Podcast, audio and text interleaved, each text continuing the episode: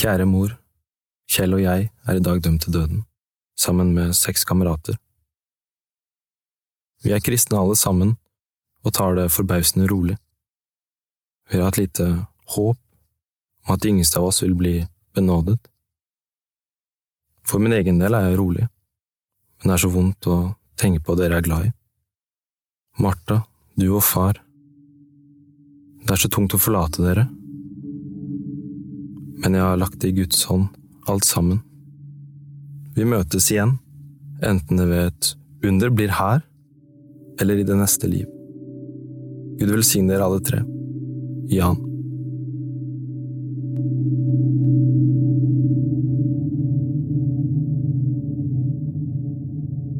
Hva er du villig til å dø for? Og hvor ofte tar du valg hvor du ikke veit hva konsekvensene vil bli? Dette er spørsmål som kan ha dukket opp hos 23 år gamle Jan Koren. Sammen med lillebroren Kjell satt han i Grine fangeleir under andre verdenskrig. Du hører på en podkast av Mia Museen i Akershus. Jeg heter Marit og jobber med å formidle våre kjente og ukjente historier. I denne miniserien på to episoder følger vi Jan og Kjell som blei arrestert av tyske soldater og dømt til døden i Grini fangeleir sommeren 1944.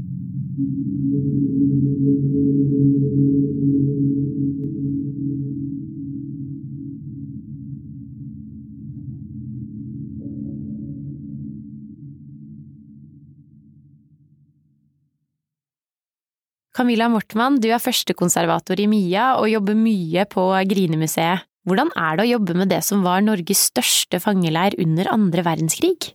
Det er jo så godt som ikke forsket på Grini og historiene fra leiren, så min jobb er som en skattejakt. Eh, vi leter etter kilder og fortellinger som ikke har kommet fram tidligere. Men for de som ikke kjenner til fangeleiren, hva var Grini? Grini fangeleir var som du sa eh, den største tyske fangeleiren i Norge under annen verdenskrig.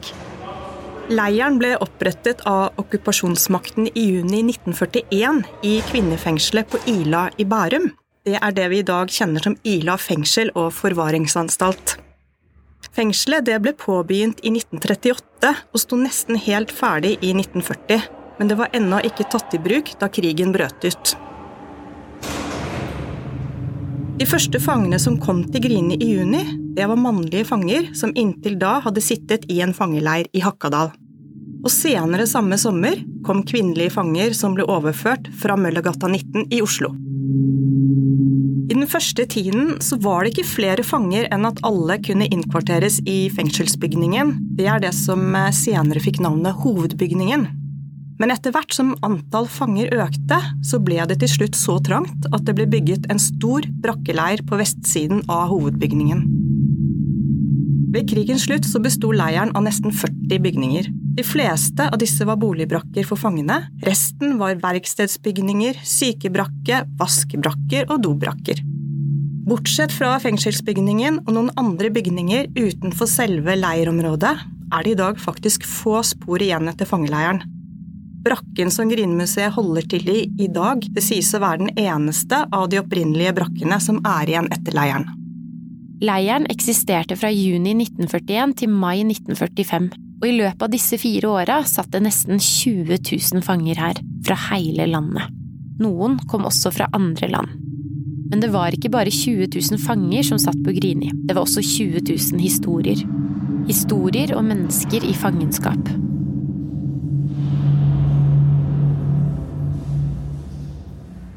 Hva slags eh, folk satt på Grini, Camilla? Ja, Da er det sånn at ca. 10% av de som satt på Grini, det var kvinner. Og resten var mannlige fanger. De kvinnelige fangene de bodde i hovedbygningen. Enten på små celler eller i store saler med køyesenger i opptil fire etasjer. Og da hadde selvfølgelig ikke noen nøkkel. Kari Aagaard var 24 år gammel da hun blei arrestert vinteren 1944. Kari var en del av en motstandsgruppe i Oslo og var kurer som leverte illegale brev. Hun forteller om den trange plassen blant de kvinnelige fangene på Grini. Jeg prøver å forklare. Kan du tenke deg en svær flokk med kvinner? Ja, Masse kvinner bare snur deg. Du kunne ikke snu deg. Det var kvinner overalt. Og skrik og skrål, og det var slåsskamper og blod og fløt og banning og sverting som i alle mitt liv. Jeg er en noenlunde decent person, så jeg øret flagret. Det var et språk som du aldri hørte. De fleste av de mannlige fangene de bodde i brakkeleiren. Men det satt også mange i celler inne i hovedbygningen. Og for dem som satt i hovedbygningen, var det veldig begrenset med mulighet til å komme ut og trekke frisk luft. Noen satt i måneder og år uten å få komme ut under åpen himmel i det hele tatt. Hverdagen som fange på Grini kunne med andre ord variere sterkt, avhengig av hvor man bodde og hvilke soningsforhold man hadde. En av fangene som opplevde frihet i fangenskap, var Harald Uskin. I en periode jobba han på jordene rundt Grini. Og det var jo mye frihet. Og eh, da hadde vi en eller to tyske vaktsoldater med oss ut i terrenget. Eller ut på jord, eller hvor det var en. Og eh, snakket jo veldig mye med dem. Og liksom, de ble etter hvert på, på vår side. på sin måte. Harald var en del av en gruppe gymnasieelever som distribuerte illegale aviser i Oslo. Han blei arrestert våren 1942, bare 15 år gammel. Harald forteller om 16-årsdagen sin i fangenskap. Han hadde spart mat og satte seg ned for seg sjøl. Her tenkte han gjennom livet og spiste brødskiva si som en stor begivenhet.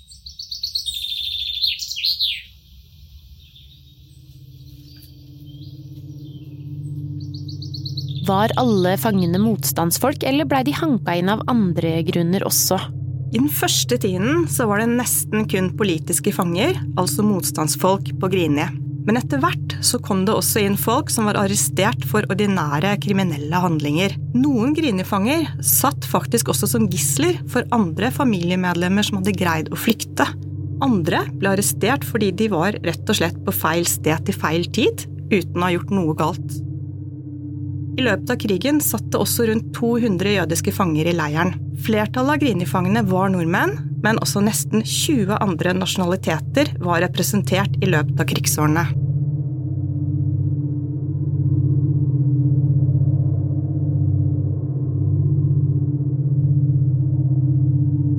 To av Grini-fangene som var tilknytta motstandsbevegelsen, var 23 år gamle Jan Koren og hans tre år yngre bror Kjell. De ble arrestert av tyske soldater i 1944.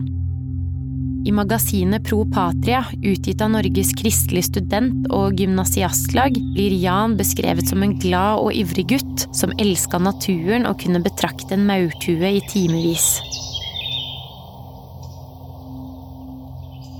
På Grini smugla han lapper med oppmuntrende ord til lillebror.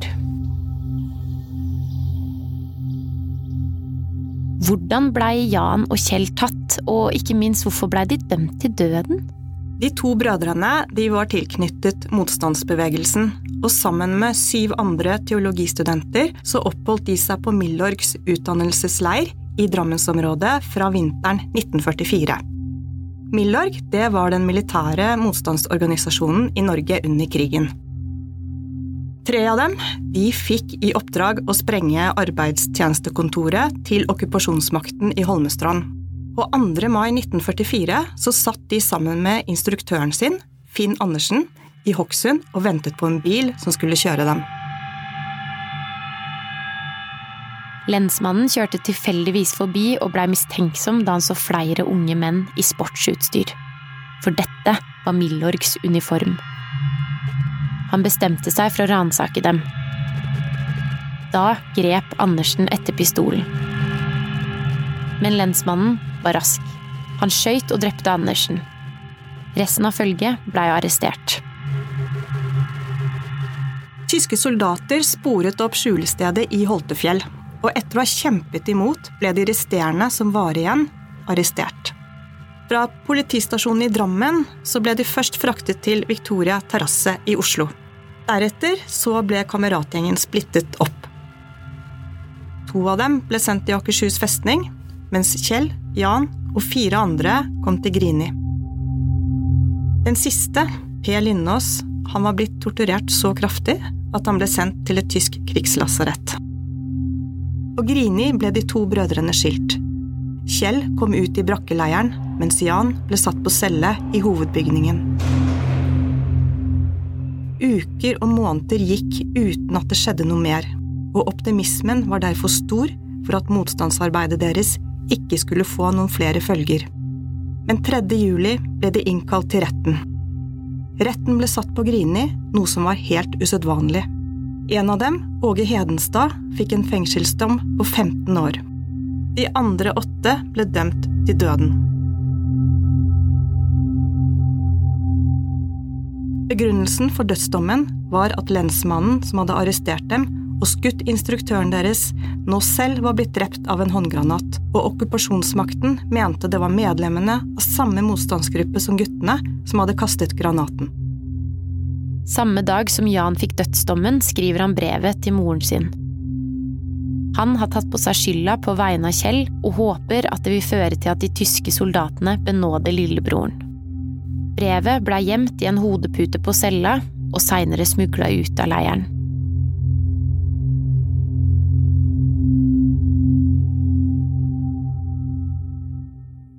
Når du gikk inn i den der hjemmestyrken og Milorg og alt det der, så var du innstilt på at du kunne ofre livet på en måte. Helst ville unngå det.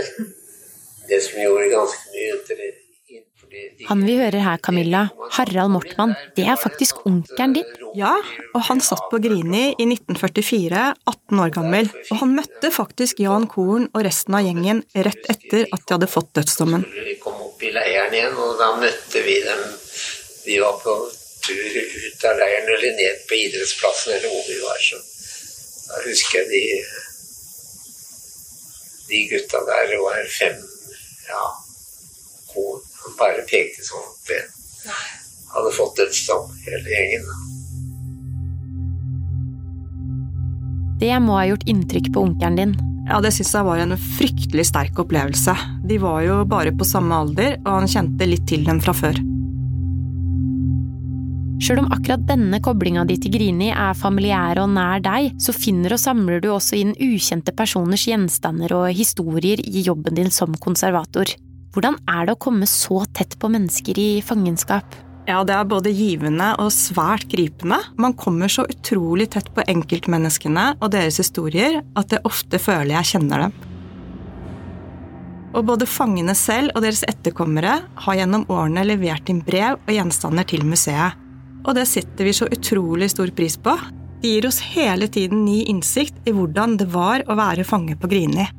Noen av brevene vi har fått, er såkalt illegale, dvs. Si ulovlige.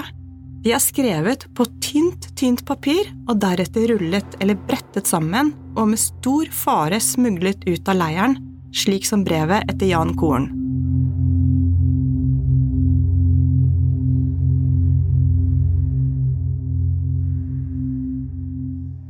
Hva skjer med Jan og broren etter at de har blitt dømt til døden, Camilla? Brødrene og de andre dødsdømte ble satt på samme celle i hovedbygningen.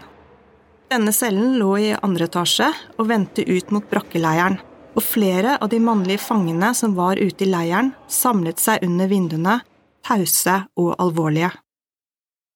Cellevinduene sto åpne, og innimellom så kunne man skimte ansiktene til de unge studentene.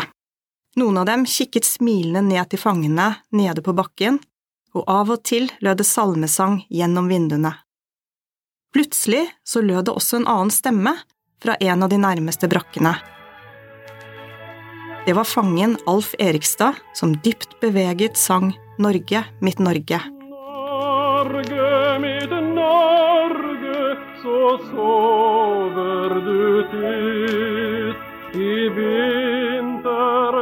Det var det siste grinefangene så til de dødsdømte.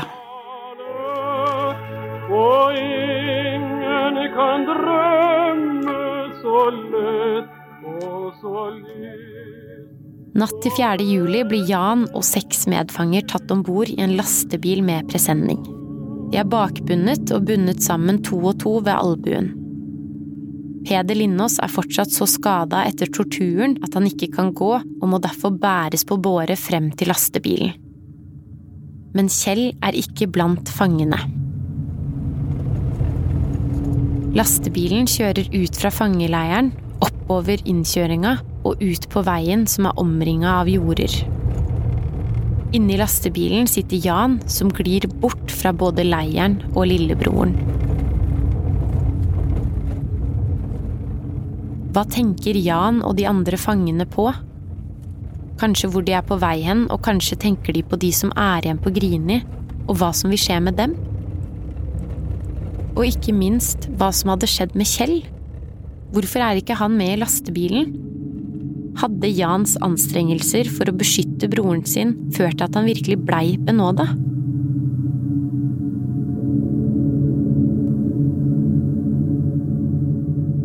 Du har hørt første episode i miniserien Fra Grini til Trandumskogen av Mia i Akershus. Vil du vite mer om Grini fangeleir og Trandumskogen? Følg museene i sosiale medier for flere historier og oppdateringer. I denne episoden har du hørt musikk fra Nocturne, Tekt Heist og Engelhardt Jarlseth med HMV Salongorkester.